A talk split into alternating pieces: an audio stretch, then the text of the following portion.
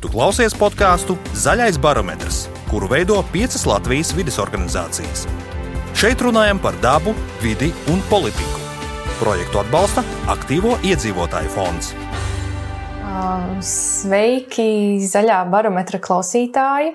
Šodien mēs ar Jāni Brīsku no Zaļās brīvības parunāsim par pēdējo klimata pārmaiņu starpvaldību padomas ziņojumu.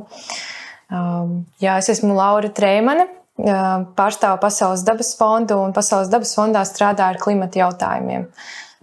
Es savukārt esmu Jānis Brīsga no biedrības Zaļā brīvība, kur darbojos arī ar klimata, klimata un aprits ekonomikas jautājumiem, kā arī pētnieks Latvijas Universitātē. Es domāju, ka mēs varētu sākt ar skaidrojumu, kas vispār ir klimata pārmaiņu starpvaldību padome. Uh, kāds tam sakars ir ar klimata zinātni un politiku, tad nu, klimata pārmaiņu starpvaldību padome, saīsinājumā, ko biežāk mēs izmantot IPCC, ir apvienoto nāciju organizācijas, tāda kā institūcija, kas principā novērtē pašu aktuālāko zinātni, kas saistīta ar klimata pārmaiņām.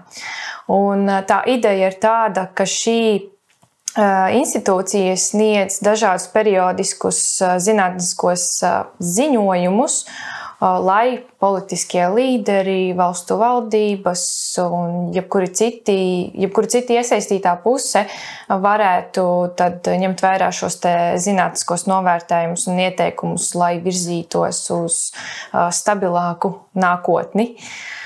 Un tad šeit mēs šodien runājam par tādu ziņojumu, kas sauc Klimata pārmaiņas 2022, klimata pārmaiņu mazināšana. Tas jau tika publicēts mums kādu laiciņu, 4. aprīlī. Un tas ir trešais darba grupas ziņojums, nu, pavisam tādiem kā četriem ziņojumiem. Un tad pirmais darba grupas ziņojums tika publicēts pagājušā gada augustā. Tas bija par tādām kā klimata pārmaiņu fizikālajām izpausmēm. Otrais darba grupas ziņojums tika publicēts februārī šajā gadā, un tas bija par klimata pārmaiņu ietekmēm un pielāgošanās procesiem, arī par nesargātību. Un tad šis trešais ziņojums ziņojums, eh, kas iznāca jā, aprīlī, 4. ir eh, par tādu kā klimata pārmaiņu mazināšanas iespējām, stratēģijām, to faktu, eh, faktu, kur esam šobrīd. Un tad, attiecīgi, šie trīs visi ziņojumi uh, tiks teikt, salikti kopā, kas veidos uh, AR6 lielo novērtējumu ziņojumu, kas iznāks šā gada otrā pusē, oktobrī. Uh, labi, tas tāds ievads uh, par to, kas vispār ir IPCC un šis ziņojums. Tad varbūt Jānis var sniegt savus ieskatus par to, kas ir tā galvenā ziņa šajā pēdējā ziņojumā. Jā, nu š, šis ir kārtējais, kārtējais ziņojums, ziņojums sērijā, ko IPCC jau nu, izdod gadu, gadu desmitiem, var teikt. Un, protams, ka tā, gan tā klimata zinātne, gan mūsu arī tas politiskā, politiskais uzstādījums, man liekas, tā vajadzība pēc, pēc kaut kādiem risinājumiem un, un izpratnes visu laiku ir augusi. Ja salīdzina varbūt tos ziņojumus, kādā veidā viņi ir attīstījušies, tad Šeit, šajā pēdējā ziņojumā, protams, nu, ir iekļauts visas jaunākās zinātniskās atklāsmes, bet arī manā skatījumā viens no tiem svarīgākajiem punktiem, kas, kas šeit parādās, atziņa, kad mums nepietiek tikai ar jaunām tehnoloģijām, ar efektivitātes uzlabošanos, ar pārslēgšanos uz atjaunojumiem energoresursiem, bet ka mums principā ir jāmaina tas, kādā veidā mēs ražojam enerģiju tas, cik daudz mēs enerģijas patērējam, ja tas, kādā veidā mēs ražojam pārtiku, lietojam zemi. Un cik kāda mūsu diētas izvēles, ja tas, kādā veidā mēs pārvietojamies, respektīvi, kad mums ir nu, visai pasaules sabiedrībai reāli ir jāmaina arī šie uzvedības paradumi gan tādā tautsēmniecības līmenī, gan maisaimniecības līmenī. Un tas līdz šim īsti šajos IPCC ziņojumos nebija uzsvērts. Lielākā daļa uzmanības bija pievērsta varbūt tādiem energoefektivitātes uzlabojumiem.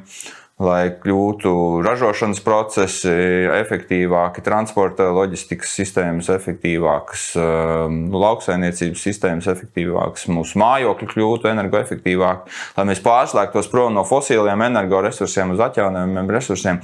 Bet pašlaik, man liekas, arī tāda zinātniskā atziņa ir, ka ar šo vien nepietiek, jo lielā mērā šie efektivitātes uzlabojumi mums palīdz uh, ražot vairāk un patērēt vairāk. Līdz ar to veidojas tā saucamais acitiena efekts, kad uh, uzņēmumi kļūs efektīvāki. Mēs paši varbūt to ietaupīto naudu, ko mēs uh, nopērkot energoefektīvu automašīnu, esam ietaupījuši, iztērējam kādā starpkontinentālā lidojumā uz, uz atpūtas kādām vietām, un reāli tās emisijas joprojām ir augušas. Ja.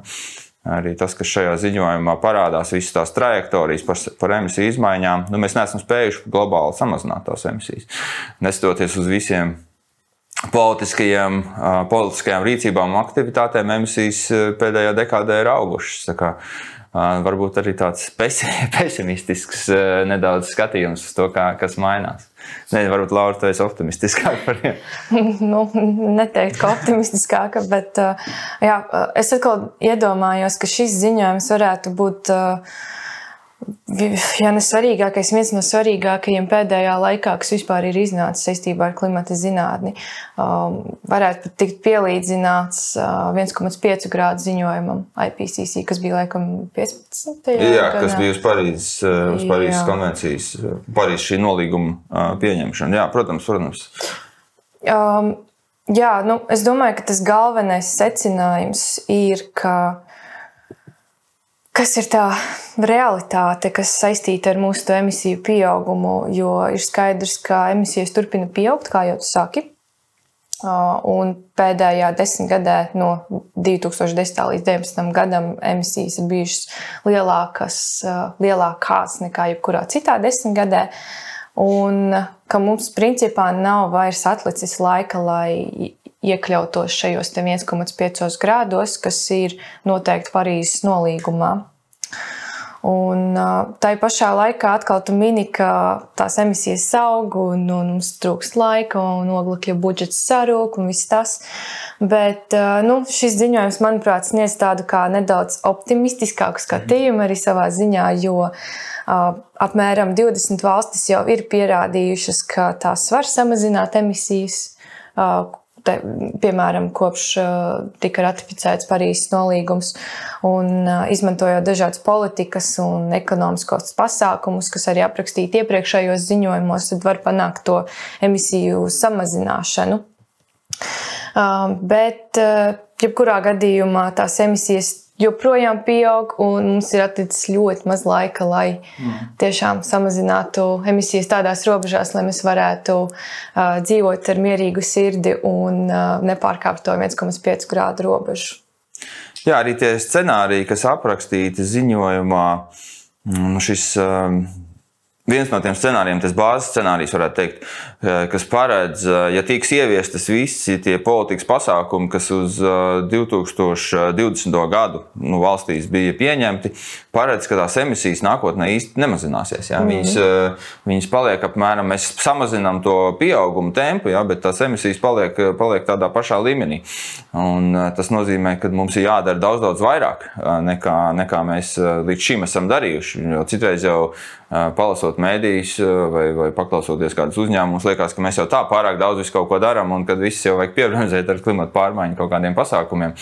Bet šis ziņojums saka tieši pretējo. Ja mēs gribam nu, tās nākotnes izmaksas arī samazināt, kas saistās ar adaptāciju un pielāgošanos, tad mums ir jādara daudz, daudz vairāk tieši šodien. Un, un cik mēs esam gatavi, man liekas, ka šī nu, militārā krīze Ukrainā paver tādas varbūt jaunas iespējas, vismaz Eiropas līmenī, ja, mēs daudz, varbūt nu, sabiedrība un politiķi ir daudz atvērtāki šodien izskatās samazināt savu atkarību no fosiliem energoresursiem un, un kaut kādus radikālākus pasākumus ieviest, lai, lai attīstītu atjaunojamo energoresursu izmantošanu. Varbūt arī tie taupības pasākumi sāk kaut kur iezīmēties, samazināt degvielas patēriņu, samazināt gāzes patēriņu, samazināt vispār enerģijas patēriņu, kaut tādu enerģijas diētu ieviest Eiropā. Man liekas, ja mēs pirms gada par to runātu, nu, atsaucīgs balss būtu ļoti maz iespējams mm, dabūt. Tieši tā.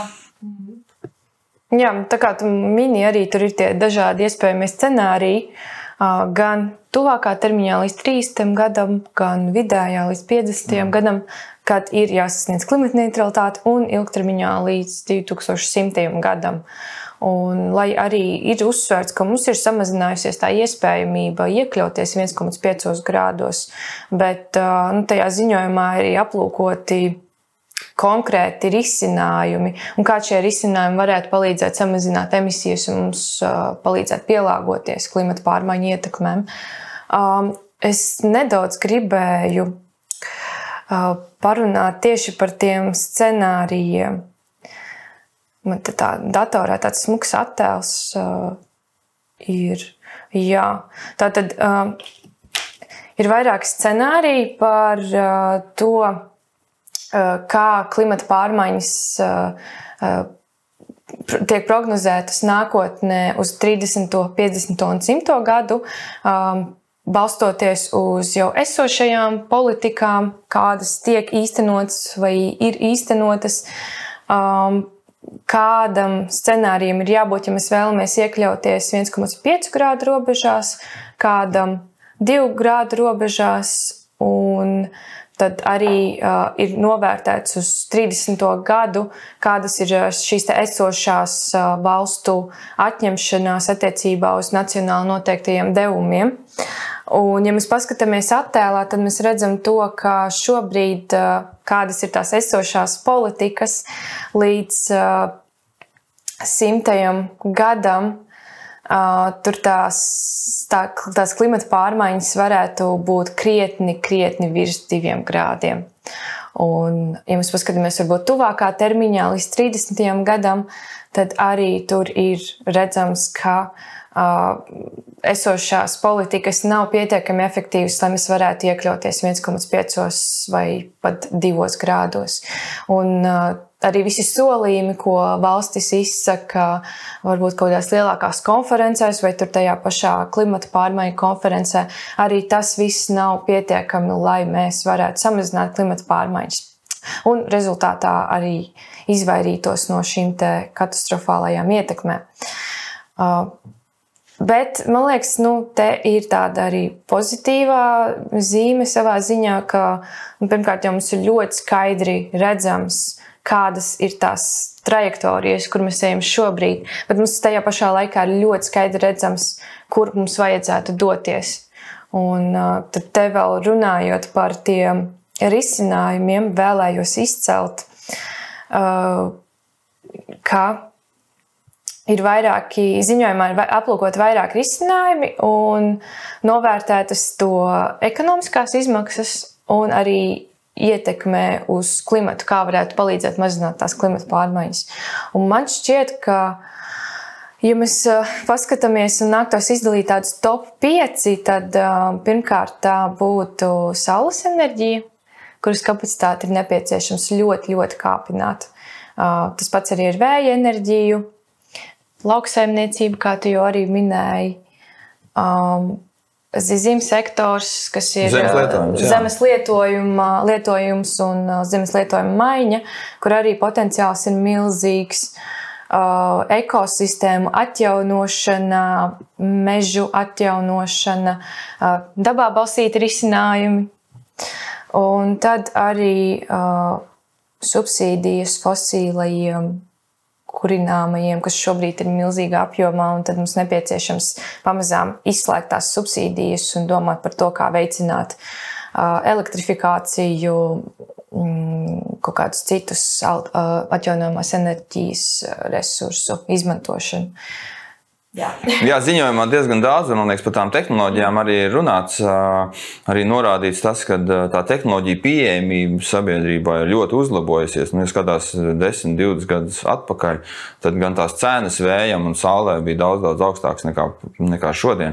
Un redzot to, kādā veidā pieauga fosilo energoresursu cenas tagad, šogad, pagājušā gada nogalē, ja, tad, protams, šiem nu, spiediens un interese arī nu, no sabiedrības arī ļoti, ļoti palielinās uz šiem atjaunojumiem resursiem. Tas, protams, var radīt tā tādu nu, nelielu burbuli, varbūt mm. ekonomikā, kad, kad tas tiek pārspīlēts. Es nesen biju arī um, ķipselā uz, uz, uz izstādi māja un vide, un uh, tur bija katrs otrais stends, piedāvāja kādas siltumsūknes, saules baterijas vai, vai, vai saules kolektorus, un um, cilvēki drūzmējās uh, visapkārt. Mm. Tā kā arī tā, man liekas, arī Latvijā tā sabiedrības interese tagad ir nu, tādā, tādā pīķī kas, Jā. kas droši vien ir, ir um, nu, jāizmanto, lai, lai uh, mēs varētu tiešām samazināt savu atkarību no, no, no šiem fosiliem energoresursiem. Man liekas, tas viens no tādiem um, grūtākajiem, arī skatoties uz Latviju, tiem jautājumiem ir par transportu kādā veidā mēs, mēs varam mazināt savu, savus emisijas transporta jomā, jo autoparks mums ir ļoti vecs. Viņš patiesībā ir augošs. Mēs vairāk un vairāk braucam ar automašīnām nu, nekā 10 gadus atpakaļ, nekā 20 gadus atpakaļ.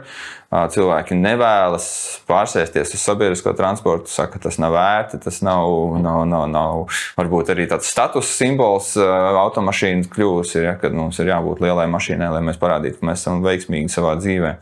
Man liekas, ka transports ir tāda sarežģīta joma, un šis zemes lietojums, ko tu arī minēji, mm. tas, kādā veidā mēs lietojam, izmantojam zemi, jo augsne var būt ļoti būtisks oglekļa piesaistes elements. Mm. Un, gan meža zemes, gan lauksaimniecības zemes. Tieši vai emisija avots. Jā, jā, un ja mēs paskatāmies to, kādā veidā emisijas Latvijā ir mainījušās, ja, tad 90. gados tieši zemes lietojums bija tas, kas piesaistīja visas šīs emisijas, ko tajā laikā vēl brūkošā nu, postpadomju rūpniecība Latvijā radīja. Ja. Mūsu emisijas bija nu, 90. gada sākumā bija daudz lielākas nekā viņas pašlaik ir. Bet 95. gadā mēs jau bijām sasnieguši klimata neutralitāti. Tas gan nebija tāds apzināts scenārijs, nebija apzināts pasākums. Dažiem mēs neviens negribam atgriezties 95. gadā tieši tādas nu, sociālās labklājības ziņā. Bet uh, lauksainiecība un, un, un zemes lietojums kopumā piesaistīja, piesaistīja visas šīs industriālās uh, emisijas. Un tagad tas ir mainījies. Zemes lietojums ir kļuvis par emisiju avotu. Ja? Tie, tie ierastie scenāriji paredz, ka tā, tas, tā arī, tas tā arī turpināsies. Tā kā mums nav arī šis buferis, kas varbūt citās valstīs ir, kur mēs varam atstāt vēl kaut kādas emisijas no lauksaimniecības procesiem vai, vai no rūpniecības, paredzot to, ka mums būs emisiju piesaiste zemes lietojumā. Latvijai šāds, šāds buferis vismaz tajā ierastajā scenārijā nav. Ja mums ir daudz jāpārdomā tas, kā mēs lietojam zemi. Mm. Tas, tas, man liekas, ir otrs tas, uh, smagais, uh, smagais varbūt, jautājums. Uh, varbūt izskaidro, ko tu īsti domā ar to zemes lietošanu. Uh, nu, tas ir uh, tas, kādā veidā mēs apsaimniekojam uh, augsnes, gan, gan aramzemes, gan, gan ganības, gan meža zemes. Un, un, un cik lielas iespējas mums tur ir piesaistīt, piesaistīt oglekli, ja, lai tas augsnes nebūtu emisiju avots, bet, mm. bet būtu oglekļa piesaiste. Mežs, mežs ir arī viens no tādiem Latvijas bagātībām. Ja kuram ir liels potenciāls šī oglekļa piesaistē, bet, bet mēs piln, pilnvērtīgi to neizmantojam.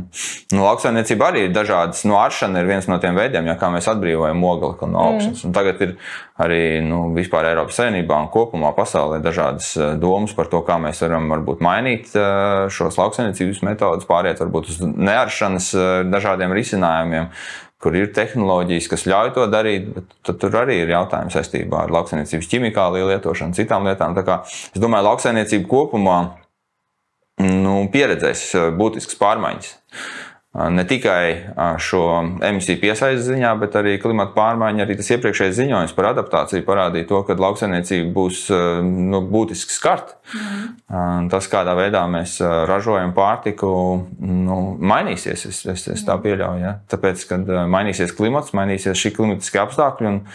Un, nu, pārtiks ražošana, lauksaimniecība ir ļoti atkarīga no, no tā, kāds mums ir, cik mums ir garš vegetācijas periods, kāda mums ir mm. sausuma perioda, lietus, nokrišana daudzuma un citas lietas. Kā, nu, zemniekiem ir jābūt ļoti acīgiem uz šīm klimata pārmaiņām un jāsako līdz šīm, šīm norisēm.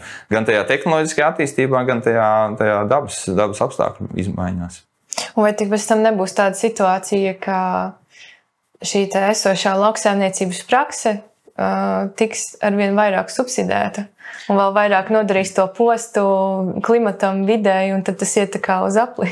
Jā, nu Latvijā mēs to redzam, ka nu, lauksaimniecība kopumā lielākajā daļā pasaules valstu ir spēcīgi subsidēta. Mm. Un, un arī enerģija. Nu, tu jau minēji fosilās enerģijas subsīdijas. Arī ļoti, lauksaimniecība ir ļoti atkarīga no agroķīmijas, ja, kas Jā. arī ir ļoti energoietilpīgs process, respektīvi pesticīdu, minerālu mēslu ražošanā ļoti intensīvi tiek izmantot fosili energoresursi. Šo, šo, šo agroķīmijas nu, izmaksas pieaugot oglekļa cenām noteikti, noteikti celsies. Mums ir jāiet prom no agroķīmijas izmantošanas, no šiem sintētiskajiem mēslojumiem un, un, un lauksaimniecības pesticīdiem. Um, lauksaimniecība ir kļuvusi ļoti atkarīga arī no, no, no tehnikas izmantošanas, ja, kas arī lielākoties darbojas uz to pašu dīzeli, ja, uz to pašu fosilo enerģiju. Ja. Tā kā arī šeit, šeit tās, tās ietekmes. Protams, mēs kā sabiedrība Un politiķi vienmēr grib lētu pārtiku piedāvāt. Ja? Tādas patiesas lētas pārtikas nav. Mēs viņu vienkārši varam no vienas puses subsidēt, un, un, un no otras puses, kā sabiedrība, par to visu maksāt. Ja? Šis, jā, es esmu diezgan skeptisks par šādu subsīdiju liederību, jo man liekas, tas sociālais efekts jā, tur ir ļoti niecīgs. Jo, protams, tie cilvēki, kuri parasti šādu veidu subsīdijas, nu, ir tādas tie, kuri vairāk tērē enerģiju, ja, tie, tie, tie arī dabū lielāko, lielāko daļu labumu no šāda veida subsīdijām. Ja, kā, mm. mm. Tur būtu, ja mēs gribam aizsargāt sociāli, varbūt eh, mazaizsargāto sabiedrības daļu, tad eh, mums ir tieši jāparedz viņiem eh, pasākumi, ja, kas mm. viņiem palīdzētu nodrošināt sev uzturu, nodrošināt citas lietas, kas viņiem nepieciešamas. Runājot par to, um, ļoti Eiropā aktualizējušās diskusijas ne tikai par energo neatkarību, bet arī par enerģētisko nabadzību. Mm. Uh, un te mēs arī ziņojumā redzējām, kā gadu laikā ir izmainījušās uh, cenas un pieejamība dažādiem atjaunojumiem energoresursiem. Tur ir saule, vējš, uh, elektromobīļi. Mēs redzam, ka tās cenas ir krietni, krietni samazinājušās. Bet varbūt nedaudz par to Latvijas atbildes reakciju saistībā ar dabasgāzes importu. Piemēram, es vienu dienu arī pētīju, kā īsti tur ekonomikas ministrija un citas ministrijas ir snieguši priekšlikumus, kā mēs varētu pakāpeniski atteikties no šīs dabasgāzes. Un tas, ko es nu, saprotu, ka principā uz šo brīdi ir tāds viens risinājums, kā mēs ātrāk varētu būvēt vēja parkus, nu, optimizēt to visu procesu, lai tā pārējai uz vēja enerģijas izmantošanu būtu ātrāk. Kā tev šķiet, vai tas ir pietiekami? Varbūt ir vēl kaut kas cits, ko varētu darīt. Es domāju, ka mums nu, parasti ir tādas trīs stratēģijas, kā mazināt, mazināt emisijas. Tas ir kļūt efektīvākiem, respektīvi uzlabot efektivitāti, ar kādu mēs lietojam enerģiju, pārslēgties, kā tu minēji, no, no, no fosilās gāzes uz uz vēju, uz sauli. Elektrifikācijas process noteikti sabiedrībā kopumā notiks un ekonomikā. Ja, mēs arvien vairāk un vairāk arī šis ziņojums paredz to, ka elektroenerģijas patēriņa tas apjoms kopējais pasaulē strauji aug. Tad mums mm. jāstāsta, kā mēs šo enerģiju, elektroenerģiju varam nodrošināt jā, ar vēju un sauli pamatā. Un trešais eh, pasākumu kopums ir šie eh, pietiekamības pasākumi, respektīvi domāt, kādā veidā mēs varam samazināt eh, nepieciešamību pēc energoresursu izmantošanas. Un man liekas, ka tur tur nu, ir vismazākās iestrādes un vismazākā vēlme kaut ko darīt. Bet arī tur ir ļoti liels potenciāls. Nu, kaut vai mājoklī mēs, mēs varam arī ar dažādiem tehnoloģiskiem un uzvedības paradumiem, mēs ļoti būtiski varam samazināt nepieciešamību. Piemēram, apkuru ir viens, mēs nesen taisījām tādu sabiedrisko aptauju, kur vairāk kā 40% iedzīvotāji teica, ka viņi būtu gatavi samazināt savu iekštelpu temperatūru. Ja? Un daudz no cilvēkiem patiesībā nu, jūtās varbūt nekomfortabli. Viņu temperatūra telpās ir pārāk liela, bet viņiem nav pat iespēja. Ja? Mm. Radiatori nav regulējami, vai daudz dzīvokļu mājās ir kaut kādas kopējās siltumtrases, kur nav iespējams šāda veida. Ir šeit arī dažādi tehnoloģiski risinājumi, un otrs ir šie uzvedības risinājumi, ja, kur, mēs varam, kur mēs varam ieviest dažādas nu, izmaiņas savā ikdienas praksē, kaut vai diētas izmaiņas. Ja? samazināt dzīvnieku izcelsmes pārtiks produktu patēriņu, kas arī ziņojumā diezgan būtiski uzsvērts, mm. ja, kur mēs varam samazināt nepieciešamību pēc zemes lietojuma, kas droši vien ir nu, ļoti liels, būtu liels atbalsts arī dabas aizsardzībai. Man liekas, ka šeit svarīgi arī nu, saglabāt to balansu, lai šie klimata pārmaiņu pasākumi neradītu kaut kādas draudus citās jomās, piemēram, dabas daudzveidībā. Mm. Un šie dabā, dabā balstītie risinājumi, man liekas, arī ir ļoti labs, um, labs veids, kā, uh, kā mēs varam uh, uh, izmantot dabas spēku ja? šajā, šajā nu, mums labvēlīgā varbūt, veidā un arī stiprināt to dabas kapitālu. Mm.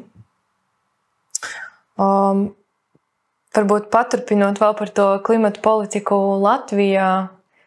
Um, mēs te pieskārāmies jau enerģētikai, ja, bet uh, Piemēram, es varu pastāstīt to, ka šobrīd Latvijā arī top tāds klimata likums. Un klimata likuma mērķis ir panākt klimata neutralitāti nevēlāk kā 2050. gadā, kas ir noteikts nu, arī starptautiskos tādos kā normatīvos, direktīvās un tam līdzīgi. Um, un man šķiet, ka tas klimata likums, kas šobrīd ir izstrādes stadijā, būtu ļoti, ļoti laba iespēja pateikt valstī visiem, ka hei, mums ir šāda vīzija, mēs ejam uz šo un uh, mums uz to ir jāvirzās. Bet, uh, nu, ejot cauri šī brīža versijai, nu, es īsti neredzu un nejūtu to sajūtu. Un tur uh, ir neskaitām priekšlikumi, ko, ko varētu ieviest. Mm. Jā, nu tā Es domāju, ka uh, Nu, kā, kā jau lielās organizācijās, nedaudz tāda schizofrēnija nepastāv, ka no vienas puses mēs kaut ko darām, no otras puses mēs darām kaut ko pretēju un, un, un, un, un cīnāmies pret. Tāpēc tās sabiedrības nu, intereses dažādās uzņēmēju grupās un tā tālāk ir ļoti pretrunīgas un daudz dažādas. Tas, ko daudzas valstis ir darījušas, man liekas, tādi pozitīvi šajos klimata likumu izstrādes procesos un pēc tam arī ieviešanas, ir mēģinājušas iesaistīt ļoti plašu sabiedrību, man liekas, kas ir ļoti pozitīvs pozitīvs elements. Lielbritānijā, Francijā, Austrijā, daudzās citās valstīs ir notikušas tā saucamās klimata asamblējas. Ja. Mm -hmm. Tepat arī Igaunijā pirms pagājušā gada nogalē bija klimata asamblēja vienā pašvaldības nu, reģionā, domājot par to, kā tad kur izvēlās, piemēram, nejaušības kārtā izvēlās simts cilvēkus, ja, kas, kas kopā ar zinātniekiem mēģina saprast, kas tad varētu būt tie pasākumi. Tādā veidā veicinot, stiprinot gan to sabiedrības izglītošanu, iesaistīšanu tajos jautājumos, gan arī varbūt nu, no sabiedrības dodot tādu signālu politiķiem, ja, kas tad ir tie pasākumi, kas būtu jādara, kas būtu jāievieš un kas būtu jārisina. Mm. Arī zinātnē padomis izveidi, man liekas, Latvijā būtu ļoti svarīgi, ja, lai, lai šis um, klimata politikas aktivitātes un tādā nacionālā līmenī būtu balstītas tiešām Zinātne, zinātniskos jā. faktos un pierādījumos. Nevis tikai nu, kaut kādu ekonomisko interesu aizstāvības vārdā vai, nu, jā, vai kaut kādos politiskos kompromisos, kas bieži vien tā arī ir. Mm. Tad man arī mm, šķiet, ka tā kā mums klimata pārmaiņas ir milzīga, milzīga tēma un kaut kas tāds, no kā mums noteikti būtu jāuzmanās, ir īpaši, kad vai mēs pārsniegsim tos 1,5 grādus. Man šķiet, ka arī klimata likumā būtu jāiekļaut tāda kā tiesību norma, ka, ja valsts nepilda savu solījumu panākt klimata neutralitāti līdz 50. gadam, ka nu, kaut kādām sekām jābūt. Nu, nevar tā mm. patvaļīgi rīkoties un apdraudēt visas Latvijas iedzīvotāju intereses un nākotni. Jā, nu, tas man liekas arī ir viens no tiem mērķiem un uzdevumiem šāda veida likumiem, kas jau ir arī tādā praksē izmēģināts. Daudzās valstīs, piemēram, jaunieši ir sūdzējuši mm. tiesā savas valdības par to, ka viņas nepilda šādas ilgtermiņa saistības, ko pašas valdības ir izvirzījušas. Un, un tas, protams, nu, Nākotnes, kā jau teicu, nākotnes paudzes ir tās, kuras, kuras cietīs, kurām būs jāmaksā par mūsu kaut kādiem lēmumu nepieņemšanu, atlikšanu un, un izvairīšanos. Tā kā šis, šis likums var būt labs pamats. Protams, Latvijā konstitūcijā jau ir minēts tiesības dzīvot tīrā Jā. vidā, mm. vidē, un, un šāda veida tiesības ir. Uh, Redzēs, varbūt Latvijas jaunieši arī, ja valdība nerīkosies pietiekami aktīvi, ja, var izvēlēties šādu tiesu procesu ceļu, jā, lai, lai, lai, lai uzliktu atbildību. Un, kas daudzās jomās jau par daudziem jautājumiem mums ir bijušas satversmes tiesas lēmumi, jā, mm. kas, kas valdībai uzliek atbildību, un klimata likums būtu papildus, papildus nu, arguments, kāpēc, kāpēc valdībai un parlamentam ir jārīkojas, ja, ja viņi paši ir nolēmuši nu, sasniegt konkrētus mērķus. Mm. Um, jā, vēl varbūt. Uh, nedaudz pieskaroties tam, ka ziņojumā minēts arī, ka 67 līdz 72% no visām pasaules globālajām emisijām var tikt attiecināts uz pilsētu teritorijām, nu, respektīvi pašvaldībām. Un tad es arī, kad skatījos to klimata likumu, Latvijas nu, versiju, tad es īsti neredzēju to sasaisti ar pašvaldībām, jo, jo nu skaidrs, ka emisijas rodas lielākoties pilsētās, un tad pilsētām būtu arī kaut kas jādara. Nevis jāpaļaujas tikai uz kaut kādu uh, vienotu valsts klimata stratēģiju vai likumu, kas tagad atrisinās visas problēmas. Nu, Es domāju, ka vajadzētu pašvaldībām domāt arī par klimata strateģiskajiem plāniem un īsten, īstenot un vispār izstrādāt tādus kā obligātu nosacījumu. Jā, man liekas, ka Latvijā vienmēr ir bijusi tā tā, tā, tā kā diskusija starp to, kurš tad valdība pieņem dažādas lēmumus, un pašvaldībām tad viņi jāīsteno. Pašvaldības saka, mēs neko neesam gatavi īstenot, kamēr mums nedos naudu. Un, Jā. un visu laiku ir tāds uh, savstarpēji tāda diskusija, mm. kam, kam, kas attur, attur reālu rīcību. Bet uh, ir, protams, arī pašvaldības Latvijā, tāpat Rīga, ja, kas uh, nu, lielākā Latvijas pilsētā, kas ir pieņēmusi uh, nu, šo virzību uz klimata neutralitāti, ja, un paredz, paredz, paredz nu, Mums jau ir bijušas kaut kādas arī tādas sabiedrībā aktuālākas diskusijas, ja, kā mēs Rīgā atteiksimies no gāzes apkurē un, un citas lietas, ja, kas, kas, protams, izraisa tādu sabiedrības šūmēšanos mm. un, un diskusiju, kā, kas tad būs tie, tās lietas, ja, kādā, ko tad mēs ar transportu darīsim Rīgā. Jā. Kā, man liekas, ka ļoti pēdējais brīdis ir sākt runāt par šīm lietām. Ja? Un, un Rīgā tas ir, nu, jā, tas Tāds ir bijis labs. Pozitīvs piemērs. Jā, jā. Līdz, nemaldos, līdz 25. gadam nevarēs vairs uzstādīt. Jā, un pēc jauniem faktiem, bet man liekas, ka jā. tas, nu, jā, tas, protams, vēl ir tāds diskusiju, di, diskusiju, nu, avots, jā, bet, mm. bet man liekas, ka šī diskusija ir ļoti labi, ka viņa ir sākusies beidzot. Jā, tas bieži vien mēs tos lēmumus nu, transportā, nacionālā līmenī, sevišķi lauksaimniecībā, ja mēs viņus atliekam, atliekam, atliekam, atliekam un beigās tās, tās izmaiņas būs lavīnveidīgas, ja, kas mm. nebūs labvēlīgas nevienam. Tu jau minēji, ka tas klimata likums varētu nosprost tādu konkrētu skaidru trajektoriju un mērķus. Es domāju, arī uzņēmējiem ir ļoti svarīgi saprast, skaidru virzību, uz kurien mēs ejam. Ja? Lai mēs neinvestējam šodien lietās, ja? piemēram, gāzes vai kādā fosilā mm. infrastruktūrā, ja? kas skaidri zinot, ka pēc 20 gadiem viņi būs nekam nevajadzīgi. Ja? Un, un tad... Zin, kā, citos klimata likumos, citās Eiropas valstīs ir tā, ka klimata likumā jau ir iekļauti šie mērķi dažādiem mm. sektoriem, nozarēm. Un Latvijas gadījumā ir tā, ka atbildīgās ministrijas izstrādā šos mērķus. Un tad, nu, zinot, kā atbildīgās ministrijas izstrādā mērķus, tad eh, nu, tas ir forši, ka arī tiks piesaistīts dažādas ieinteresētās puses, lai izstrādātu tos mērķus. Kā panākt to, lai tie mērķi ir pietiekami uh, ambiciozi un atbilstoši tam, ko saka zinātne? Tāpēc man liekas, ļoti svarīgi tieši tā zinātnīs padomus mm. Eh, klātbūtne šajā, šajā visā procesā. Jo, protams, Latvijas tā politiskais uh, spektrs ir ļoti sadrumstalots. Ja katra politiskā partija vada savu ministriju un spēja valdības līmenī varbūt vienoties par šādiem ilgtermiņa jautājumiem ir diezgan maziņa. Tāpēc uh, šis ir tāds politisks kompromiss. Es pieļauju, labi, mēs nespējam vienoties par konkrētiem mērķiem. Šeit likuma izstrādājā, tad katrs strādāsiet paši ar šiem mērķiem. Un tāda nu, jā, atbild atbildības atlikšanu uz nākotni, man liekas. Bet, Tāpēc jā, es, es vēlreiz gribētu uzsvērt tieši šo sabiedrības iesaistīšanu un zinātnieku iesaistīšanu, jā, lai, lai nodrošinātu tādu uh, pēctecību un ilgtermiņa skatījumu, tādu zinātnē balstīts tiešām tos risinājumus, nevis politiskajos lobbyos balstīts risinājumus. Mm -hmm.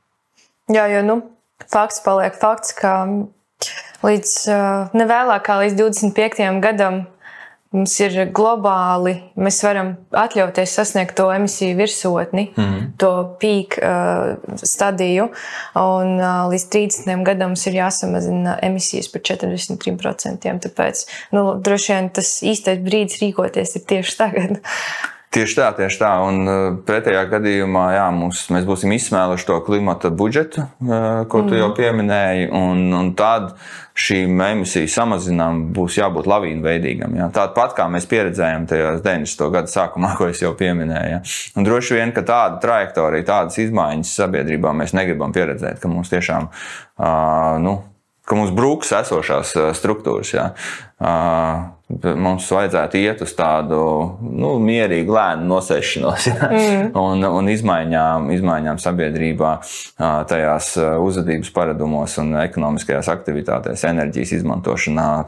Tas, tas noteikti būtu daudz saudzīgāk arī tādā sociālā ziņā. Un, un pareizi, parasti šādās lavīnu veidu izmaiņās nu, ir tā enerģijas nabadzība, ko mēs arī minējām, tikai pieaugs. Ja? Un, Un mums ir tiešām jāskatās, kādā veidā mēs šīs transformāciju, šo klimatu pārmaiņas, um, pielāgošanās pasākumus, ekonomisko visu transformāciju varam novest tādā sociāli atbildīgā veidā. Man liekas, tas ir ļoti svarīgi, lai tā daži, daudz sabiedrības daļas nebūtu atstumtas ja, un, un, un, un iestumtas kaut kur stūrī bez izvēles iespējām un atkarīgas varbūt vēl joprojām no kaut kādiem nezinu, lētiem fosiliem resursiem. Mm. Ja. Tas no tādām, no tādām situācijām noteikti vajadzētu izvēl, iz, izvairīties.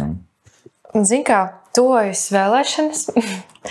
Un ir skaidrs, ka šajās vēlēšanās viena no galvenajām prioritātēm partijām būs uh, energo neatkarība mm. un atjaunojama energoresursi. Un es domāju, ka šobrīd mums arī ir tā vīzija, tāda iedomāta kaut kāda. Uh, nu, kaut kāds iedomāts uh, scenārijs, ka būs tehnoloģijas, ka mums ir tehnoloģijas, un tās, ja mēs ieviesīsim, tad arī viss nokārtosies un klimats stabilizēsies. Nu, es atkal domāju, ka nu, mēs arī runājam par elektrifikāciju, par atjaunojumiem energoresursiem, projektiem, dažādām citām lietām. Un tad es atkal gribētu minēt, ka nu, nav tā, ka tehnoloģijas ir tāds viens maģisks risinājums, kas tūlīt uh, mums palīdzēs samazināt emisijas pietiekamā apjomā. Kad es... nu, ir jāskatās skeptiski arī uz mm. to. Es pilnīgi piekrītu. Es arī neesmu tāds tehno-optimists. Un, uh, tehnoloģijas parasti patērē enerģiju, ja, un viņas nevis, uh, nevis ļauj mums samazināt enerģijas patēriņu, bet, bet tieši patērē enerģiju. Ja, nu, visas tās mūsdienu modernās tehnoloģijas. Ja? Tā kā šeit, šeit noteikti nevajag vienkārši paļauties uz to, ka mums būs kaut kāds, mēs piesaistīsim oglekli, vai vakar par radio dzirdēju, kāds no politiķiem runāja par to, ka zaļākais nākotnes enerģijas veids Latvijā ir kodola enerģija. Mm -hmm.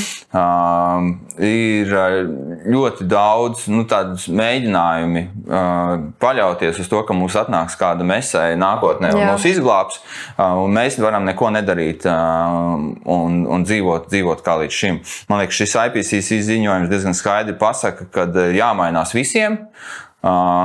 Arī uh, Latvijai. Jā, tas nav tikai jāattiecās tikai uz Ķīnu un ASV, par ko mēs bieži vien Latvijā runājam. Kad, ko mēs, maza valsts, mums varam pazust no pasaules no kartes. Ķīna arī dara nosprauduši savus klimata neutralitātes mērķus. Jā, nu, lai viņi nebūs uz 50 gadu, viņi uz 60 gadu ir paredzējuši, bet tāpatās viņiem ir ļoti būtisks izmaiņas ir paredzētas gan tajā, kā viņi ražo enerģiju, gan vispārējā. Tā kā, mm -hmm. tā kā izmaiņas nu, sagaida visu sabiedrību kopumā. Un, un, tie, nu, Rainis jau teica, ka izdzīvos, kas mainīsies. Jā, mm. kā, es domāju, šis Raina teiciens attiecās tikpat labi arī uz klimatu pārmaiņām mūsdienās. Mm. Jā, skatos, ka mums laikam laiks iet uz beigām, bet nu, tagad, nu, kā varbūt mēs varētu nobeigt ar to, ko tad mēs katrs varam darīt, ko mēs varam paņemt no šī ziņojuma un uh, ieviest savā ikdienā, savā apziņā.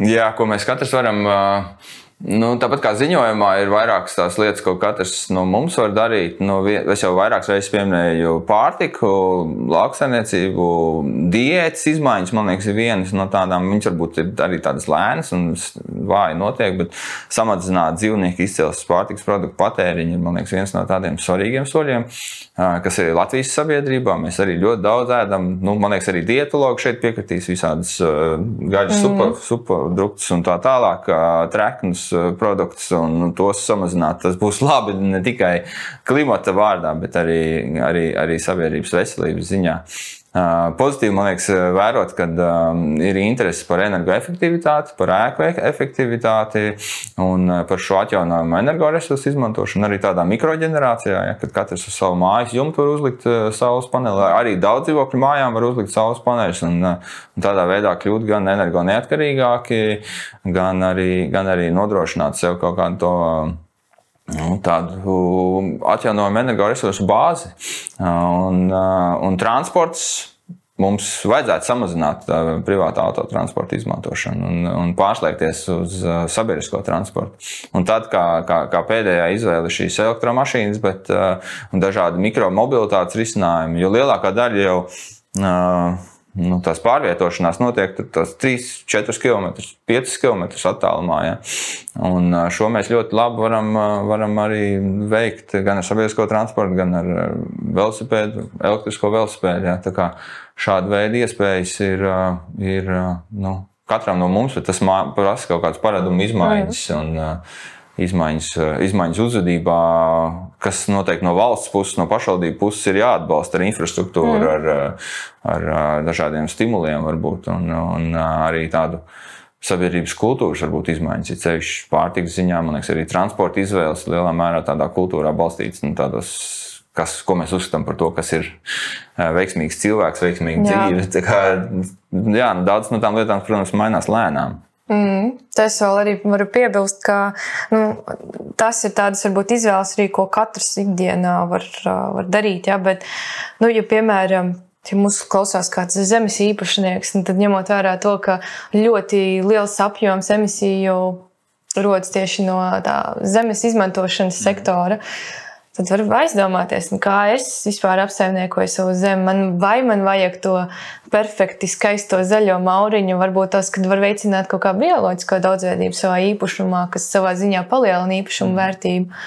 Um, par, par mežiem arī, uh, kā es apsaimniekoju savus mežus. Um, cik uh, zaļā ēkā es dzīvoju, vai mana ēka ir tuvu nulles patēriņa ēkai. Um, ja, um, kā es vispār personīgi, cik esmu aktīvs kā pilsonis, kā iedzīvotājs, vai es vispār interesējos par kaut kādiem klimata politikas jaunumiem, uh, vai to, kas vispār notiek manā pašvaldībā, un kāds man skar un kā es varu ietekmēt tos lēmumus. Tā kā visas ir tās, tās uh, lietas, jā, vai, ja es, piemēram, esmu uzņēmējs, jā, tad tur vispār tās iespējas ir mežonīgas.